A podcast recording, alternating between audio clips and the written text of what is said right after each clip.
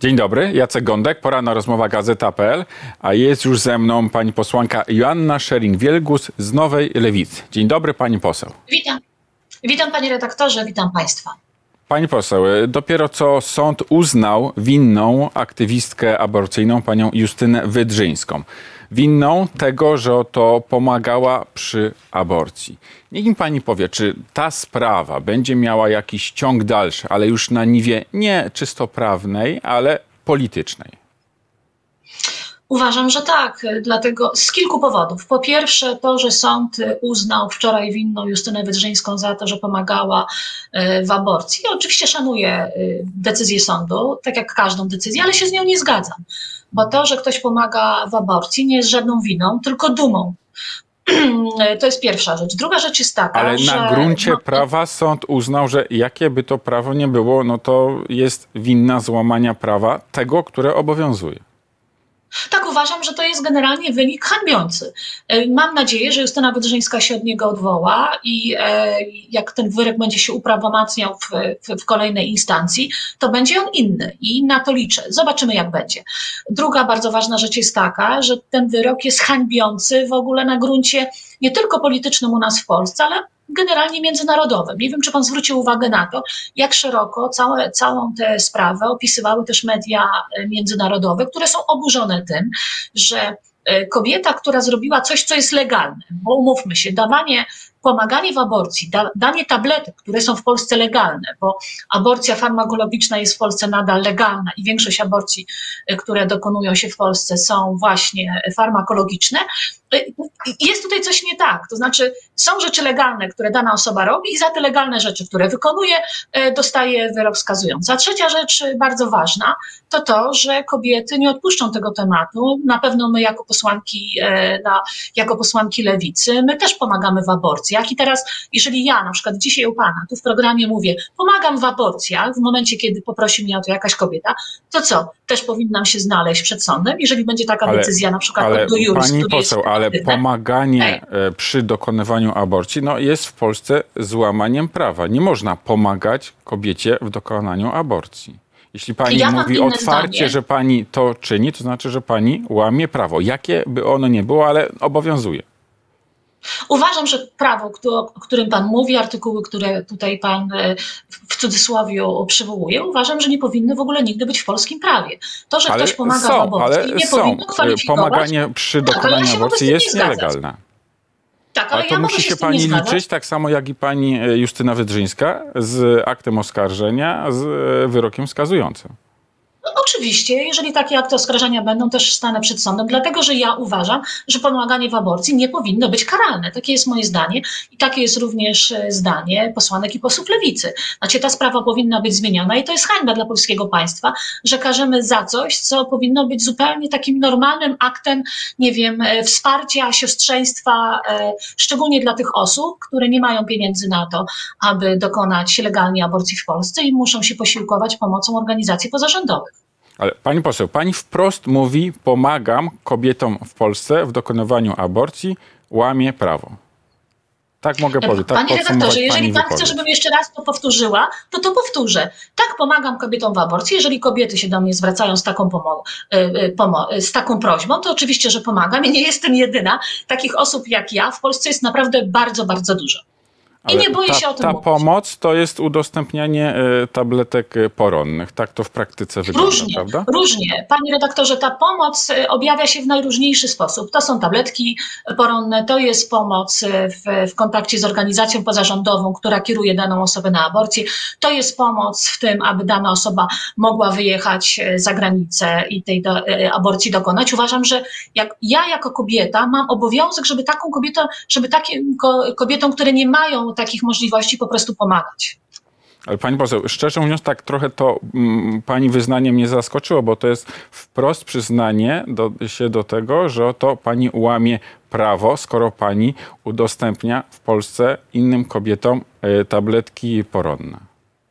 Panie redaktorze, powtórzę jeszcze raz, nie mam żadnego problemu z tym, żeby powiedzieć to panu jeszcze raz. Tak pomagam kobietom w aborcji, tak jak wiele innych posłanek, e, posłanek lewicy i tak wiele innych kobiet, które sobie pomagamy, również te, które są w organizacjach pozarządowych i nie uważam, żebym przy tym łamała prawo. Uważam, że nasze prawo, które teraz obowiązuje w Polsce, jest prawem restrykcyjnym, dlatego odważnie mówię o tym, że takie rzeczy robię. Sprzeciwiam się prawu restrykcyjnemu, aborcyjnemu w Polsce i będę o tym mówiła i nie mam z tym żadnego absolutnie problemu. Powiedziałam to u pana cztery razy dzisiaj.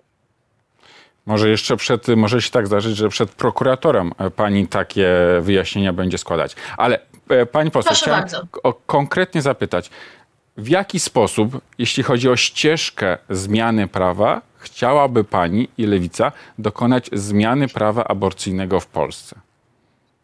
Ja panu powiem, co już się wydarzyło i z czego jestem bardzo dumna i co mnie również zaskoczyło. W 2016 roku, e, jak pytano ludzi e, o to, czy są za liberalizacją prawa aborcyjnego, to te sondaże wahały się od 25 do 30%.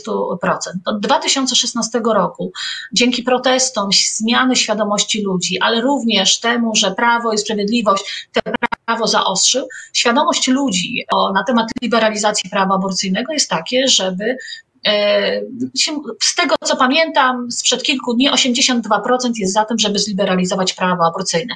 I ja uważam, że to jest główna droga do zmiany. I teraz, oczywiście tej zmiany w świadomości w społeczeństwie nie widzi, albo nie chce widzieć, nie słyszy, albo nie chce słyszeć mnóstwo innych polityków, którzy zasiadają w obecnym parlamencie, którzy mają najróżniejsze inne pomysły na ten temat, mogą mieć takie pomysły, z którymi ja się osobiście nie zgadzam. Ja uważam, że takie prawo powinno być, odpowiadając już wprost na Pana pytanie, oczywiście wprowadzone, e, wprowadzone ustawą i pod naciskiem społeczeństwa, które rozumie, e, o czym mówimy. O tym, że to jakby wprowadzenie liberalizacji prawa aborcyjnego powinno być e, wprowadzone jak najszybciej. Ale zmiana ustawy, potem ustawa trafia na biurko prezydenta. E, Znając e, poglądy i politykę prezydenta Andrzeja Dudy, prezydent wetuje tę ustawę, czyli prawo nie jest zmienione, a nawet gdyby w jakiś sposób e, taka ustawa weszła w życie, to potem na przykład grupa posłów e, Prawa i Sprawiedliwości może złożyć wniosek do Trybunału Konstytucyjnego, który jest zdominowany, zdominowany przez nominatów PiSu, więc taka ustawa zapewne byłaby uznana za niezgodna z konstytucją i również wylądowałaby w koszu, więc prawo zostałoby takie, jak jest.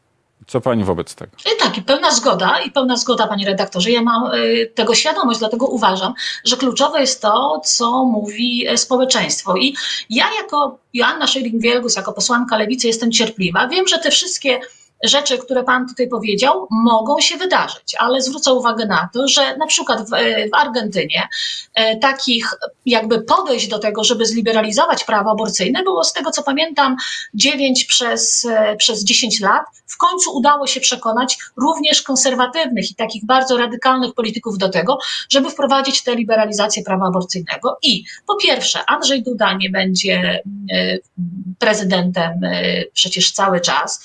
Pani Przyłębska nie będzie szefową e, Trybunału Konstytucyjnego cały czas i wejdą do polskiego parlamentu zupełnie inne osoby, e, może część e, tych, która jest teraz w parlamencie, ale zupełnie inne osoby. Ale I pani sądzi, że w Ja jakiej perspektywie czasowej pani sądzi, że udałoby się opozycji, między innymi lewicy, zmienić ustawę aborcyjną? Czy to jest perspektywa roku, Ja- pięciu, dziesięciu? Wie pan co, ja sobie daję perspektywę y, czterech lat maksymalnie, dlatego że naprawdę zupełnie na serio mówię, dla mnie kluczowe jest to, co mówią ludzie, to, co czują ludzie, jak zmienia się świadomość. I naprawdę politycy nie będą mogli, teraz starają się to ignorować, ale nie będą mogli ignorować tego, co mówi lud, dlatego że lud mówi wyraźnie, 82% ludzi chce w Polsce liberalizacji prawa aborcyjnego. No i w I takim razie Władysław będą- Kośniak-Kamysz i Szymon Hołownia mówią tak, słuchajmy ludu, rozpiszmy referendum, sprawa będzie rozstrzygnięta. Nie, Władysław Kosiniak-Kamysz i Hołownia nie słuchają ludu. E, Zatykają e, uszy, zamykają oczy i nie chcą sły- słyszeć tego, co się wydarzyło przez ostatnie sześć lat na ulicach polskich miast i co mówią sondaże tu i teraz. Nie trzeba robić referendum. Ludzie już się wypowiedzieli, e, jakie mają zdanie na ten temat. Ewidentnie widać, że ta zmiana świadomości ludzi od 2016 roku zmieniła się radykalnie. I powtórzę jeszcze raz, ani Kosiniak, ani Hołownia nie chce tego widzieć nie chce tego słyszeć, chce iść na łatwiznę, bo wydaje im się, że w ten sposób można załatwiać w Polsce sprawy związane z prawami człowieka, bo prawa kobiet to są prawa człowieka.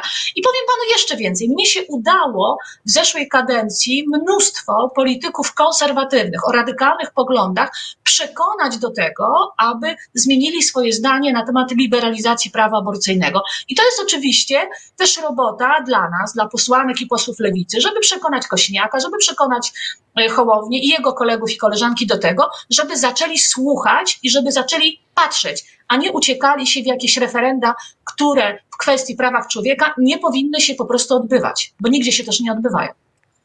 Nie, na przykład w Irlandii ta, takie referendum się odbyło. Ale nie, nie, nie, ale to było zmiana, chwileczkę, ale to była zmiana konstytucji, bo to było zam, e, zapisane w konstytucji, a w Polsce nie mamy czegoś takiego jak e, aborcja ale, w konstytucji, ale, więc ale nie de musimy facto po dotyczy robić referendum dotyczyło pytania wypracowane w czasie takiego dużego panelu obywatelskiego, potem referendum. Pani poseł, ale konkretna rzecz w innym temacie.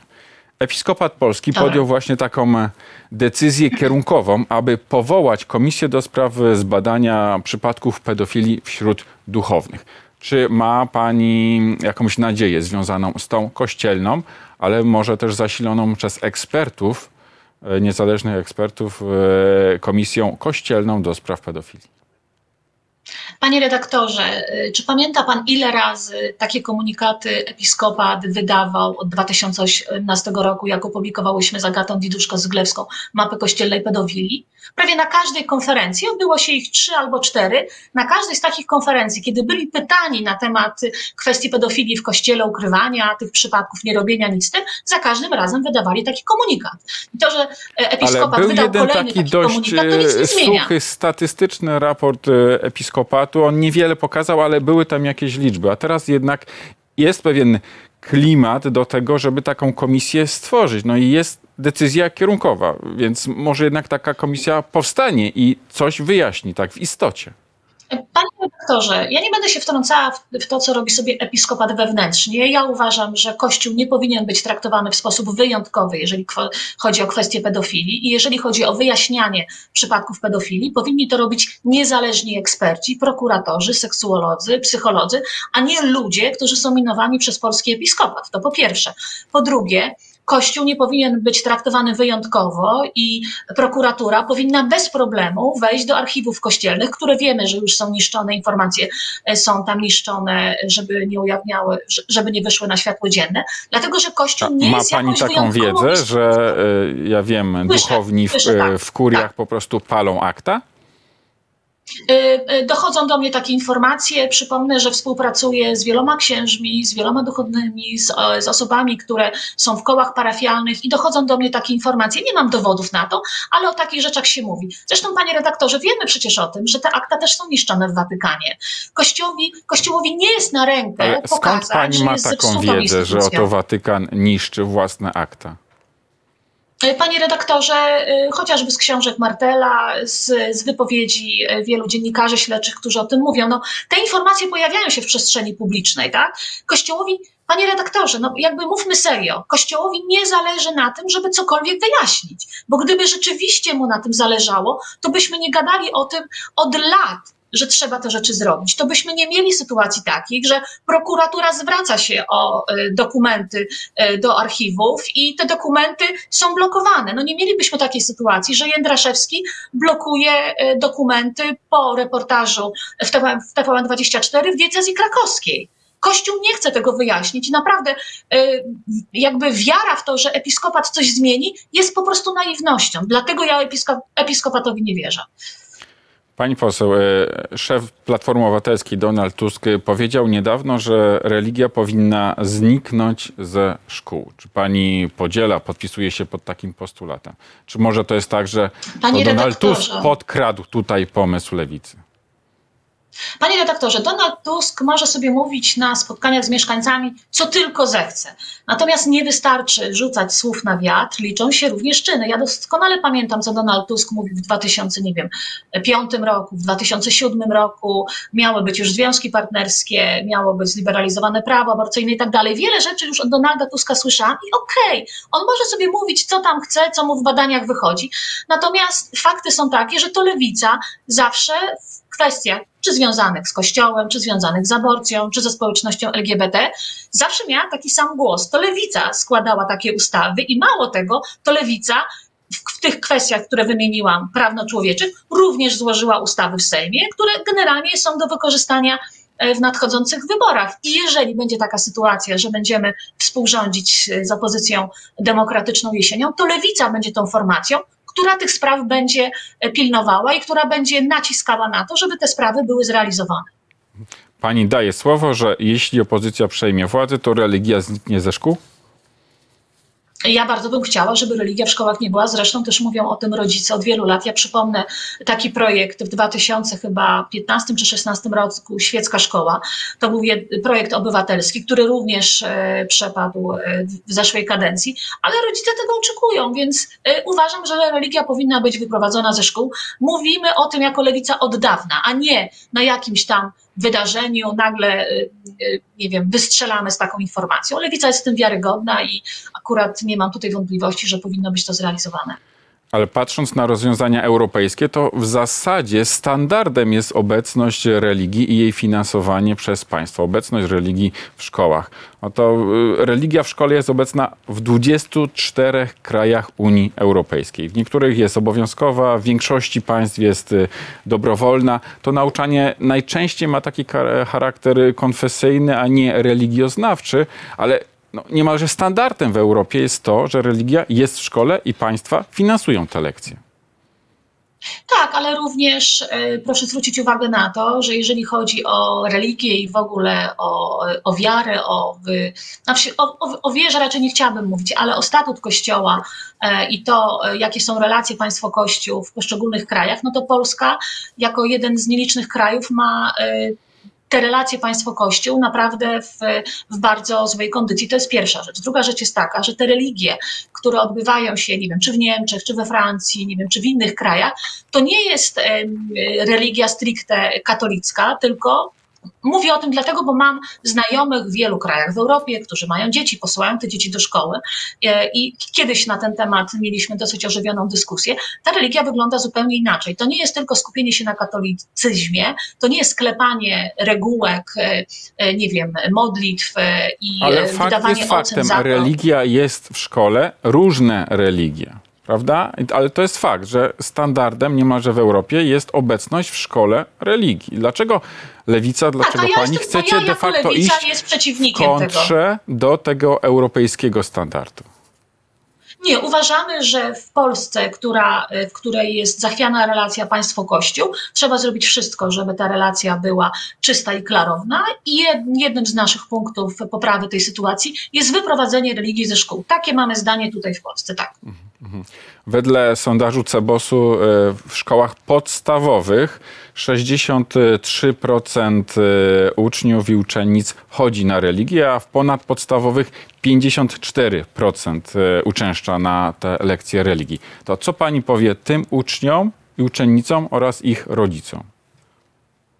Że My jako lewica uważamy, że religia powinna być wycofana ze szkół. Kiedyś ja chodziłam na religię do salki katechetycznej, było to ok, to pierwsza rzecz. Druga rzecz jest taka, że mówi Pan o badaniach Cebosu, ok, ja je y, przyjmuję, ale są inne badania, które mówią o tym, że masowo młodzi ludzie wypisują się z lekcji religii. A czy A w dużych trzecie, miastach to jest y, fakt? We Wrocławiu to chyba z, z 18, niecałe 20% w szkołach podstawowych chodzi na religii. W Warszawie to jest chyba około 30%.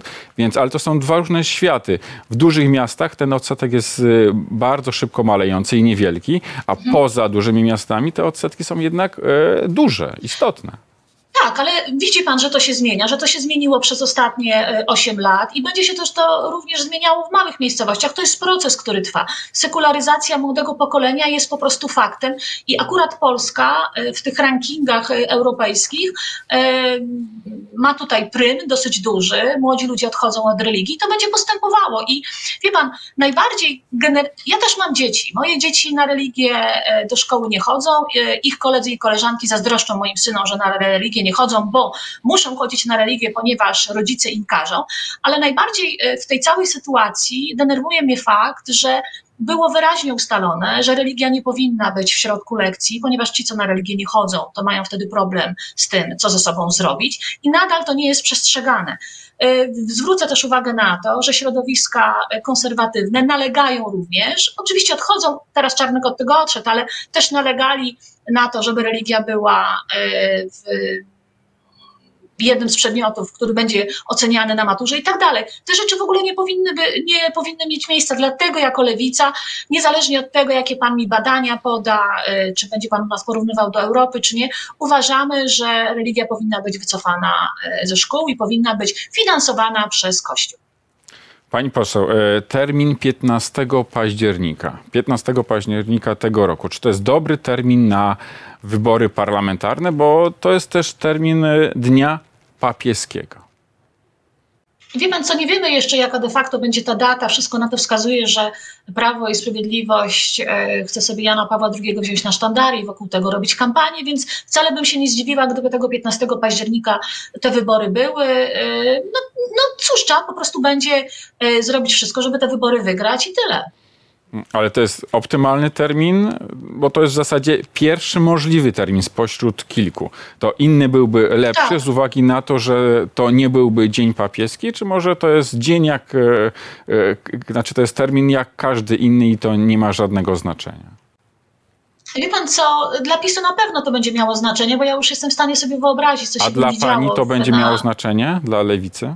Absolutnie nie. Ja, wie pan co, y, patrzę jakby tak zdroworozsądkowo na, na to, co przed nami i uważam, że trzeba pracować i jakby zmierzać się z tym, co nam życie przyniesie i zrobić wszystko, żeby opozycja szeroko rozumiana, demokratyczna wygrała te wybory z Prawem i Sprawiedliwością. Oczywiście wie pan, akurat ten termin to jest myślę najmniejszy problem. Druga rzecz, która uważam, że o której należy mówić, to właśnie podpisany przez prezydenta kodeks wyborczy. To właśnie o to zapytam. Pani poseł, no to tak. konkret, bo, bo, Prawo i Sprawiedliwość mówi o tym, e, o tej ustawie, która została właśnie podpisana przez prezydenta o, no, o nowelizacji kodeksu wyborczego, że to jest działanie profrekwencyjne. Faktycznie jest to działanie no tak, profrekwencyjne? Wie pan co, ja w ogóle uważam, że działania profrekwencyjne powinny być jak najbardziej e, promowane, ale y, najbardziej prof, pre, profrekwencyjnym działaniem byłoby to, gdyby e, był obowiązek e, głosowania i kary za to, że się nie głosuje. A pani po byłaby drugie, za takim rozwiązaniem? Ja jako Joanna Szojring-Wielgus tak. Znaczy ja uważam, że powinien być obowiązek, ale to nie jest głos lewicy, żeby było jasne. Ja jak, jako ja uważam, że tak powinno być, dlatego że y, uważam, że każdy powinien jakby być współodpowiedzialny za co, co się w naszym kraju e, dzieje i powinien mieć takie poczucie, że ma wpływ na to, y, jak wygląda kraj, w którym żyje. Tak, tak, tak czyli, uważam. Czyli Natomiast... obowiązek głosowania w Pani ocenie byłby na miejscu, jak kto nie zagłosuje w wyborach, to powiedzmy tysiąc złotych mandatu, tak? Nie wiem, no, powinny być jakieś kary, nie wiem, wpłacanie pieniędzy na jakieś cele, tak jak jest to w, nie wiem, w Szwajcarii chyba e, e, są jakieś takie reguły, które, które, nie wiem, czy w Brukseli chyba też tak jest. Ale to jest jakby jedna rzecz. Tak, tak. Y, wracając do, y, do Polski, to znaczy uważam, że to, że Prawo i Sprawiedliwość tego dokonało, to też pokazuje lęk Prawa i Sprawiedliwości przed tymi wyborami, bo ten, kto jednak zmienia prawo w trakcie, w trakcie kodeks wyborczy, w trakcie trwania y, kadencji, jakby po, pokazuje swoją słabość, ale ja jestem ale, za Ale, ale pani poseł, ale to, to są konkretne rozwiązania, tak. bo to jest około chyba 7 tysięcy nowych punktów do głosowania, zwłaszcza na e, prowincji, tam gdzie odległość od tych punktów była dość duża, teraz tych komisji będzie więcej. Ma być też transport dla osób 60+, plus, więc to wydają się naprawdę rozwiązania dobre. No, y, oczywiście, że tak. I zresztą y, może zaskoczę naszych widzów, ale takie rozwiązania już wcześniej były też w wyborach i, i, były promowane. Natomiast trzeba powiedzieć też o tym, że ta zmiana y, w kodeksie wyborczym, którą podpisał teraz prezydent, uniemożliwia osobom za granicą głosowania korespondencyjnego. A jak wiemy, większość osób Polonii, która głosowała za granicą, to są wyborcy demokratycznej opozycji i tym aktem prawnym podpisanym przez, przez prezydenta uniemożliwiono osobom z zagranicy e, głosowanie korespondencyjne, które było dla nich e, rzeczywiście wygodne, bo nie wszyscy będą mieli możliwość na przykład z jakiegoś tam krańca e, danego kraju, w którym są, przyjechać do stolicy, w którym będzie możliwość zagłosowania. Więc z jednej strony jest to profrekwencyjne dla wyborców 6500, czyli w większości E, wyborców Prawa i Sprawiedliwości, ale nie będzie to profrekwencyjne dla wyborców, którzy głosują na, na e, opozycję e, za granicą. Więc to jest znowu takie, wie pan co, dzielenie społeczeństwa i, i pokazywanie, co robimy dla swoich, a co robimy nie dla swoich. Bardzo, bardzo zła decyzja. Ale chciałabym jeszcze o, o, o jednej rzeczy powiedzieć. Te zmiany powodują, jakby pokazują, że Prawo i Sprawiedliwość boi się tych wyborów. Druga rzecz bardzo ważna to te wszystkie informacje, które dowiadujemy się odnośnie e, finansów państwa, to jak państwo jest okradane, to w jaki sposób jest przepływ e, środków e, ze spółek Skarbu Państwa na konto Prawa i Sprawiedliwości. To są wszystkie działania pokazujące nam, że Prawo i Sprawiedliwość za wszelką cenę, ponad jakby wszelkimi regułami, będzie chciał doprowadzić do tego, żeby te wybory wygrać w sposób nieczysty, w sposób nie fair, Wiemy, że jesteśmy podsłuchiwani, e, pokazuje to Ale historia. Ma pani takie przekonanie, na przykład, że pani osobiście jest podsłuchiwana, albo na przykład e, Pegasusa, bądź też inna, in, inną aplikację taką szpiegowską stosowano wobec pani? Yy, Panie redaktorze, jestem na pewno śledzona, jestem podsłuchiwana, są wysyłane do mojego biura poselskiego osoby y, o szemranymi y, i z dziwnymi tiami, które wywalam y, za drzwi w Ale momencie, kto kiedy się panią odezwą. miałby śledzić i kto podsłuchiwać? No właśnie, widzi pan, zajmuję się dosyć, dosyć ciekawym wątkiem, jakim są przestępstwa w kościele. Nie chcę powiedzieć, że to kościół mnie śledzi, natomiast miałam kilkanaście bardzo dziwnych sytuacji, w których zareagowałam e, bardzo szybko, wywalając te osoby e, z mojego biura poselskiego. I mam e, przeświadczenie takie, że mój telefon jest na podsłuchu przynajmniej od kilku lat. Tak po prostu uważam. Mm, ale to zgłaszała pani te sprawy na prokuraturę, bo być śledzonym, no to, to można to w jakiś tak, sposób zakwalifikować wszystkie... jako złamanie prawa. Panie redaktorze, wszystkie sprawy, które są związane właśnie z takimi rzeczami, zgłaszam na policję. Mam też ochronę tutaj w Toruniu mojego biura poselskiego, no bo przecież są też moi pracownicy. Jakby to wszystko robię, tylko wszystko jest umarzane. Jeżeli pyta mnie pan o podsłuchy, to oczywiście sprawdzałam razem z Citizen Lab, czy, e, czy mój telefon był e, na podsłuchu. Nie udało nam się tego stwierdzić, ponieważ ten telefon, ten okres, który mierzyliśmy, to miałam zupełnie inny, zupełnie inny telefon, więc którego już po prostu nie mam, bo się po prostu popsuł. Więc ciężko było nam stwierdzić, ale ale jestem przekonana, że jakby też nie chcę mówić o sobie. Uważam, że bardzo dużo osób, bardzo dużo polityków opozycji jest podsłuchiwanych, jest śledzonych i e, obserwowanych przez służby Prawa i Sprawiedliwości. Bo nie chcę powiedzieć, że to są służby państwa. Uważam, że doszliśmy do takiego momentu, że powinniśmy twardo mówić, że zarówno policja e, jest partyjna, służby są partyjne e, i działają na korzyść Prawa i Sprawiedliwości, a nie na, na to, żeby chronić obywateli. To w takim razie z Pani słów wnioskuję, że chciałaby Pani takiego ostrego rozliczenia rządów Prawa i Sprawiedliwości, a tego e, za taką operacją mógłby stać jakiś konkretny przyszły premier z opozycji. I patrzę na całą pozycję i tak, e, Kośniak-Kamysz naturalny kandydat PSL-u na premiera w PSL-u to mówią. Szymon Hołownia mówi, że jest gotowy być premierem. Donald Tusk mówi, że chciałby być premierem. A kto miałby być premierem z lewicy? Jest taka jedna osoba, która jest namaszczana na to stanowisko przez lewicę? Nie, my w ogóle, panie redaktorze, zupełnie serio, w ogóle na ten temat nie rozmawiamy. Ale to odpuszczacie wiemy, tę rywalizację? Nie, nie, panie redaktorze, nie odpuszczamy, natomiast nie rozmawiamy na ten temat, ale dla mnie logicznym jest, że w momencie, kiedy by lewica miała wystawić swojego kandydata czy kandydatkę, to mamy cztery osoby. E, w nowej lewicy mamy dwóch współprzewodniczących, jest to Robert Biedroń i Włodzimierz Czarzasty, a w partii Razem, z którą współpracujemy, jest Adrian Zandberg i Magdalena Biejat, więc co do zasady uważam, że na premiera powinna, e, premierem powinna być ta osoba, która jest szefem partii. A szefem partii jest yy, Włodzimierz Czarzasty plus Robert Biedroń, dwóch Nie, współprzewodniczących. je, tak? szefem, partii, szefem partii Nowej Lewicy Nowej mamy dwóch Lewicy, tak. współprzewodniczących. Tak. jest Robert Biedroń i Włodzimierz Czarzasty, działają, współdziałają razem. Stawiamy kropkę. Joanna Schering-Wielkus, posłanka Nowej Lewicy. Dziękuję pani za rozmowę. Dziękuję serdecznie, pozdrawiam. Państwu również dziękuję i do zobaczenia.